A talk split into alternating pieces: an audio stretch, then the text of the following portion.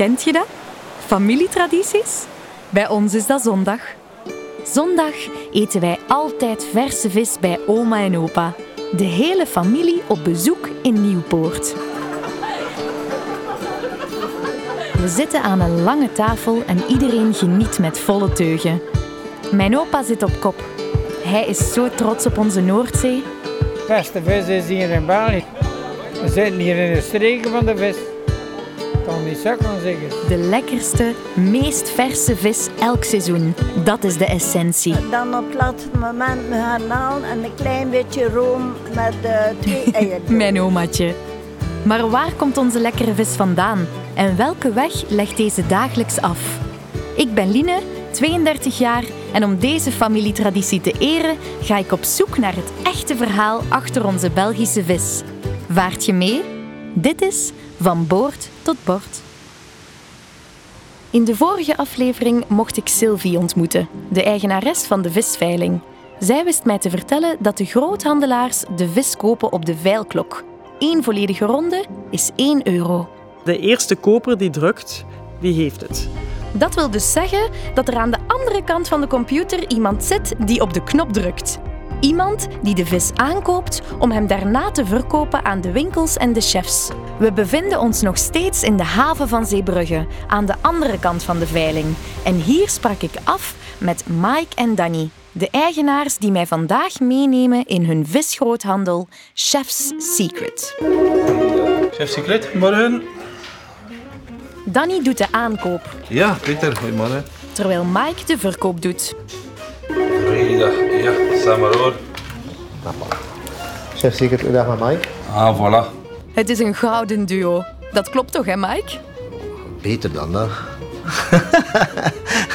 we voelen elkaar aan, we kennen de klanten, we weten wat ze nodig hebben. Eh, dus Danny koopt niet lukraak aan, hè. dat is zeer gerecht. Hè. Dat is eh, niet zo gemakkelijk. En dan krijg ik een eh, mooi lijstje van hem na de markt, wat dat er aangekocht geweest is. En dan probeer ik dat aan de man te brengen. En dat lukt aardig. En jullie klanten zijn onder andere viswinkels, restaurants. Hoe heb je dan contact met hen? We bellen de klanten op. Eh, en dat is à la tête du client, zoals ze zeggen. Dus ik ken die klanten, ik weet wat zij nodig hebben. Ik weet wat zij op hun eh, menukaart hebben. Maar we spreken ook af met de klanten. Van kijk, als je een groot lot nodig hebt, bijvoorbeeld eh, de tongen, als die goedkoop zijn, mag ik die aankopen voor u. Hè. Dus, eh, zeggen ze, ja kijk, dat is de maximumprijs dat ik kan geven, dan kan ik wel interesse hebben. Eh, Danny gaat dat dan aankopen en ik verkoop dat dan, als die prijs goed zit tenminste. de beste visboer van West-Europa. ja, ah, wat dat je niet kent. Ja, zeg ik hier wat ze willen. Hij wil nooit de stel van niet zijn. Nee, nee, nee, nee. nee. Wij hebben ook geen vragen. Deze twee goedlachse mannen maken veel plezier wanneer ze samenwerken. En alleen door deze harmonie kan het bedrijf succesvol zijn. Mike is een topverkoper. Ik ben een topaankoper, als we het mogen zeggen van mezelf. En daardoor hé, komt het ook zeer, zeer eh, perfect bij de klant terecht. Is de klant tevreden. Af en toe krijg je dan een keer dat complimentje, zoals dat je juist hoorde. En, en daarvoor doen we het uiteindelijk. Hè. Jullie hebben precies een relatie. Nee, zo aantrekkelijk is die niet.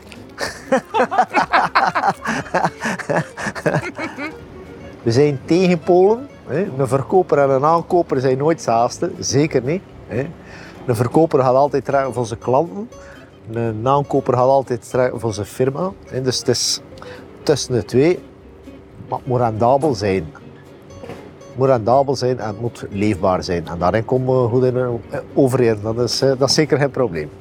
Mike is ook iemand die doorzettingsvermogen heeft. We, we werken zeer hard, we werken lange uren, Mike en ik. En die gaan niet opgeven. Je mag een zeer als een keel of als een nelle boog of, of als een eender wat. Toch gaat hij hier staan op uur en tijd. Mike zijn werkdag, of beter gezegd werknacht, start rond 12 uur. In het eerste dagdeel worden de bestellingen van de vorige dag verwerkt, klaargezet en getransporteerd naar de klant. Dus deze nacht ehm, gaan we al die bestellingen gaan klaarmaken. Bestelling per bestelling worden gestoken per route. Hè, en worden gecontroleerd in de kabinet. En tegen morgen, denk ik, 9, 8 uur zijn ze geleverd. Dus je hebt altijd een eerste dagdeel en dan een tweede dagdeel. Ja, en een hele korte nacht. maar ja, met slapen verlies je tijd. Hè. En dat wordt door Danny bevestigd.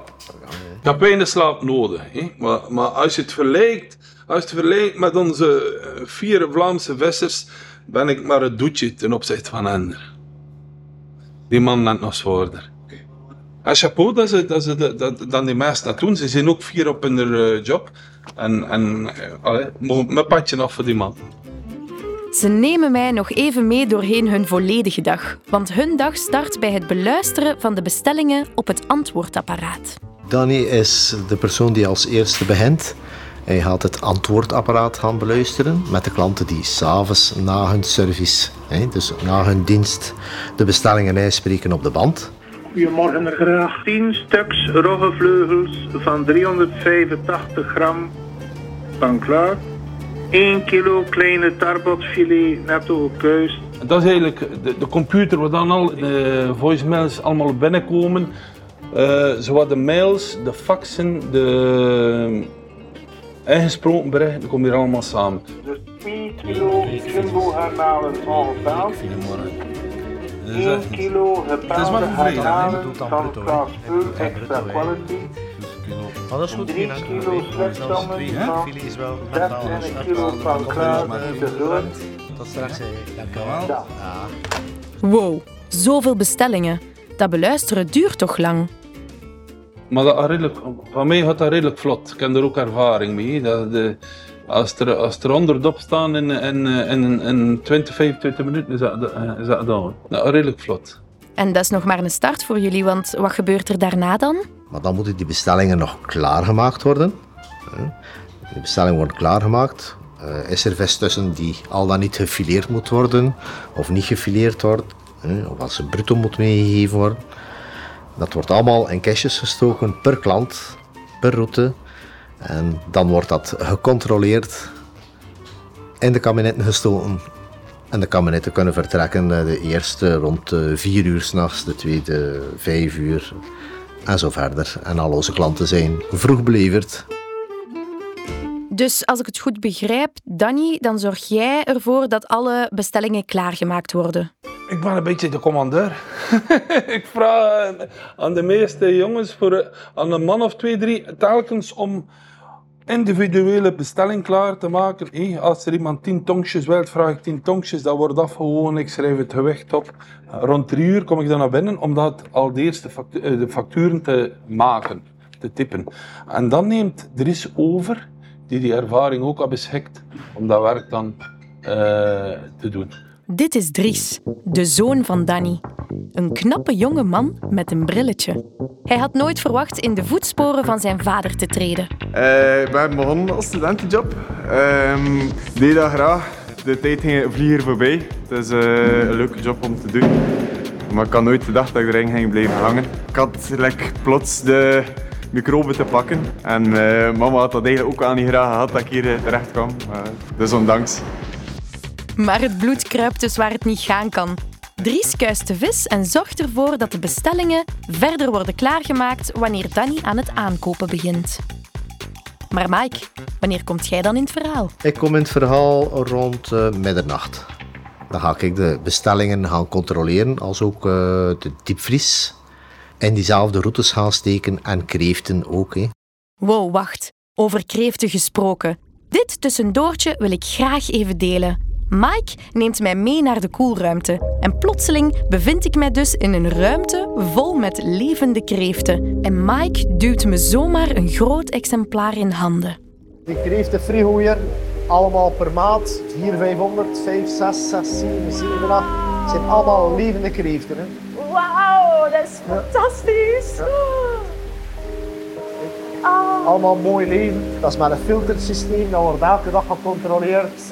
Wil ik Wauw. in, wil ik durf niet, maar ik moet wel zeker. Altijd, altijd hier. Altijd hier. Hier van boven, hè, dat kan hier zeker niet mee. Doe maar, doe maar. Niet bang zijn. Oké, ik, heb hem- ik heb hem vast. Ja. Amai, maar Mike, ik heb nog nooit in mijn leven een, kreeft, een levende kreeft vast gehad. Dat is fantastisch. Oh, Dat ziet er echt, ja. Hij is gewoon een braaf in mij, hè? Hij is heel braaf. Mag ik hem in de bak steken? Ja, ja, maar rustig aan, hè? Gewoon rustig? Ja, gewoon Zo. rustig erin leggen, ja. Ja. Oké, Voilà. terug naar de orde van de dag. Mike, als ik het goed heb, is de vis maar één dag oud als hij hier toekomt, toch? Die vis die morgen vertrekt is eigenlijk van de afslag van vandaag. Vandaag is er veiling, dus Danny heeft gekocht eh, deze morgen. Dus de vis is eigenlijk nooit niet ouder dan twee dagen. Vanaf half zes ochtends kun je bekijken wat het aanbod zal zijn op de veiling die dag. Dat betekent dat Danny en Mike al vijf uur bezig zijn in hun loods voordat hun tweede dagdeel begint. De aankoop en de verkoop. De veiling is de maandag, de woensdag en de vrijdag. Eh, Telkens begint om kwart voor zeven 's morgens. En eh, op voorhand kan je, kan je een beetje zien vanaf vijf uur, half zes, kan je eh, bekijken wat dat er aangeboden wordt op de veiling. Aan de hand van het aanbod bepaal ik een beetje mijn, mijn, hoe zeggen, mijn tactiek van kopen. Als er een grote aanbod is, wil dat zeggen meestal dat de veilingprijzen gaan zakken in de loop van de veilingdag. Als er eh, weinig aanvoer is, dan ben ik geneigd van redelijk vroeg van de eerste boot of de tweede boot, eh, zo, zo spoedig mogelijk aan te kopen. Toch nog een beetje de prijs eh, in doog te houden. Maar dan gaat het meestal de prijs omhoog. En naar gelang de, de, de, de aanbod wordt de prijs min of meer bepaald op de veiling. Dat is mijn ervaring. Meestal is dat wel een succes. Ja, en zo koop je dan de vis op de klok aan. Maar kunt je mij misschien nog eens uitleggen hoe dat precies gaat, kopen op de klok? Je kan het heel goed vergelijken met een uurwerk. Een uurwerk, maar die in plaats van een secondewijzer die vooruit loopt, loopt die gewoon achteruit. En die ene seconde is telkens 10 cent die van de prijzen afgaat. De eerste die duwt, heeft het lot. Je kan ook kiezen om eh, eh, bep- bepaalde hoeveelheden aan te kopen. Eén kist op de veiling is normaal 40 kilo. Druk je op, op, je op drie kisten en je 120 kilo, naar gelang wat je nodig hebt. Maar het, het spel is om in te schatten wat dat jij denkt dat de prijzen te verwachten zijn op de veiling. Weinig aanbod, dure prijzen, veel aanbod, goedkopere prijzen. Zo simpel is het. Het is niet anders en het spelletje is af te drukken op het juiste moment. Meestal kunnen we daar hele mooie zaken mee doen. Soms hey, valt het ook een keer tegen dat je te veel betaald hebt naar gelang de gemiddelde prijs op het einde van de veiling. En waarom heb je dan drie computerschermen? Waarom heb ik drie schermen? Hier komen de mails toe met de prijzen van, de, van het buitenland. Kan je altijd een keer vergelijken. En is ook altijd een richting wat dan de prijzen te verwachten van op onze veilingen. En dan heb ik hier een klok om te kopen op Zeebrugge. Heb ik een klok voor te kopen in Oostende. En dan naast, soms is er nog een keer Nieuwpoort ook een hoeveelheid vis. Kun ik op mijn derde scherm kijken naar, naar de visveiling op Nieuwpoort. Een van de moeilijkheden van te kopen op de, op de klok is, als er drie veilingen zijn, Zeebrugge, Oostende en Nieuwpoort op dezelfde dag, moet je drie veilingen op hetzelfde moment in de gaten houden. Amai, mag ik eens kijken, Danny? Hoeveel ogen heb jij? Zes. Zes, ja, klopt. En, en dat, dat het is ook het spannende eraan. Het maakt ook spannend, het maakt ook plezant. De vis wordt door Danny aangekocht en niet zo lang daarna wordt deze al geleverd. Maar hoe bewaren ze de vis? Wordt vis meestal bewaard? Dat is op ijs. Hè. Dus eh, mooi in de frigo, mooi in de koelte. De grootste vijand van vis is warmte. Dus als er geladen wordt, mag, het, eh, je zeggen, mag die koude keten niet onderbroken worden. Dus dat komt uit de frigo, dat wordt bewerkt. Dat wordt zo vlug mogelijk terug in een, in een kist gestoken van de klant. Hè. Daarop wordt er ijs gedaan. Hè. En dat gaat in gekoeld transport, diepvriestemperaturen of verstemperaturen, geleverd bij de klant. Wij hebben sleutels van vele zaken, zodat we dat direct ook onmiddellijk in die frigozaal kunnen plaatsen. En de chef morgens doet zijn frigo open en de verse vis staat daar. De iets wat bescheiden Mike stelt mij voor om even een kijkje te gaan nemen in hun loods, de productie, waar de vis wordt geleverd en verzorgd.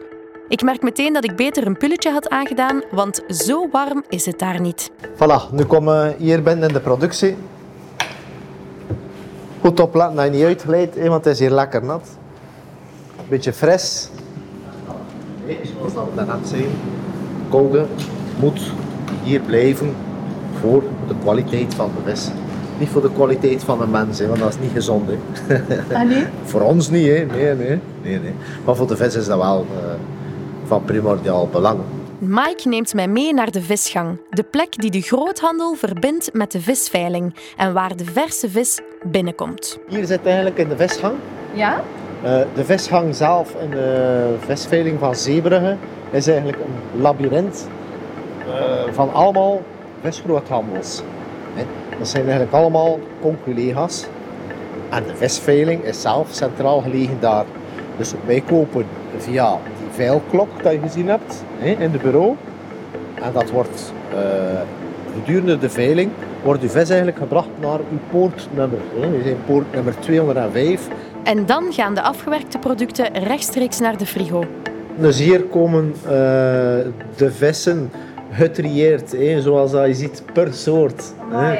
In bellen, hè, gaat de tongen. maar dat staat hier allemaal netjes klaar in een rijtje met deze op, de benaming, het lotnummer die erop moet. Hè. En als je ziet bij het lotnummer, bij de meeste, als je ziet, kijk, 1, 2, 3, 4, 5, 6, 7, 8. Van de 8 soorten die hier nu staan, zijn er 7 met dat etiketje duurzaam. Dat is het etiketje dat van de veiling zelf gegeven wordt. Dat wil dus zeggen dat dat van duurzame visserij komt. Dus in een boot heeft zijn certificaat, die vissersboot, dat hij die duurzaamheid, dat hij dat ook allemaal doet. Eh, dat is ecologisch, op een ecologisch verantwoorde manier gaan bevissen. Niet zomaar lukraak leegvissen en poen pakken. Nee, op een verantwoorde manier dat later onze kinderen nog kunnen eten. Niet te veel schade toebrengen aan het milieu. eh, brandstofverbruik. Allee, die mannen hebben echt heel veel geïnvesteerd, die vissers in hun boten. Ik zou willen dat iedereen nog vis kan eten. Maar dat moet een beetje verantwoord te werk gaan. En daarom hebben ze dat label eigenlijk het leven ingeroepen. Ah ja, het label visserij verduurzaamt. Ja. En dat gaat van visser naar groothandel, naar restaurant, naar één consument. En eigenlijk kies je daar zelf voor als je dat koopt of niet. En dat is het mooie eraan. Hè. Dus wij kopen dat aan omdat wij dat willen. Wij verkopen dat ook omdat wij dat willen. Wij kunnen goedkoper kopen. Hè. Dan kun je in Noorwegen tongen kopen en laten komen met een grote camion. Hè, opgevuld met ijs. Dat is veel goedkoper. Maar welke eer heb je? Ik ben helemaal overtuigd. En ik vraag Danny welke impact het heeft op de toekomst. Naar de toekomst toe voor het visbestand op peil te houden. is zeer belangrijk. Ze, ze beschadigen de, de bodem veel minder met hun eh, netten dat ze nu mee vissen. Naar, naar het milieu toe. Ze, vissen, met, ze, ze eh, investeren in, in eh, motoren die, die veel minder verbruiken. Eh, het is voor iedereen goed. En ook naar de consument toe weet je ook, als je vis van, van duurzaam vis koopt, dat dat kwaliteitproduct is. Dat dat vis van bij ons is. Dat vis is van, van vissersloepen die eh, hier aan de Baarse kust varen en die, eh, die mooie vis meebrengen, die kwaliteitsvis ter beschikking staan op de veiling. Een heerlijk stukje kwalitatieve vis dankzij Mike en Danny. Zij blijven onvermoeibaar doorgaan met hun dagelijkse bezigheden. Maar ik ben heel nieuwsgierig geworden naar de volgende bestemming van de vis. Ik word verwacht bij de sympathieke Angus, Schone maasje, nee, schone vis. eigenaar van viswinkel Mare Nostrum in Sint-Idesbald. Tot dan! Smaakt dit naar meer? Luister dan zeker naar onze zeven andere van boord tot bord verhalen of surf naar www.dekust.be voor meer informatie.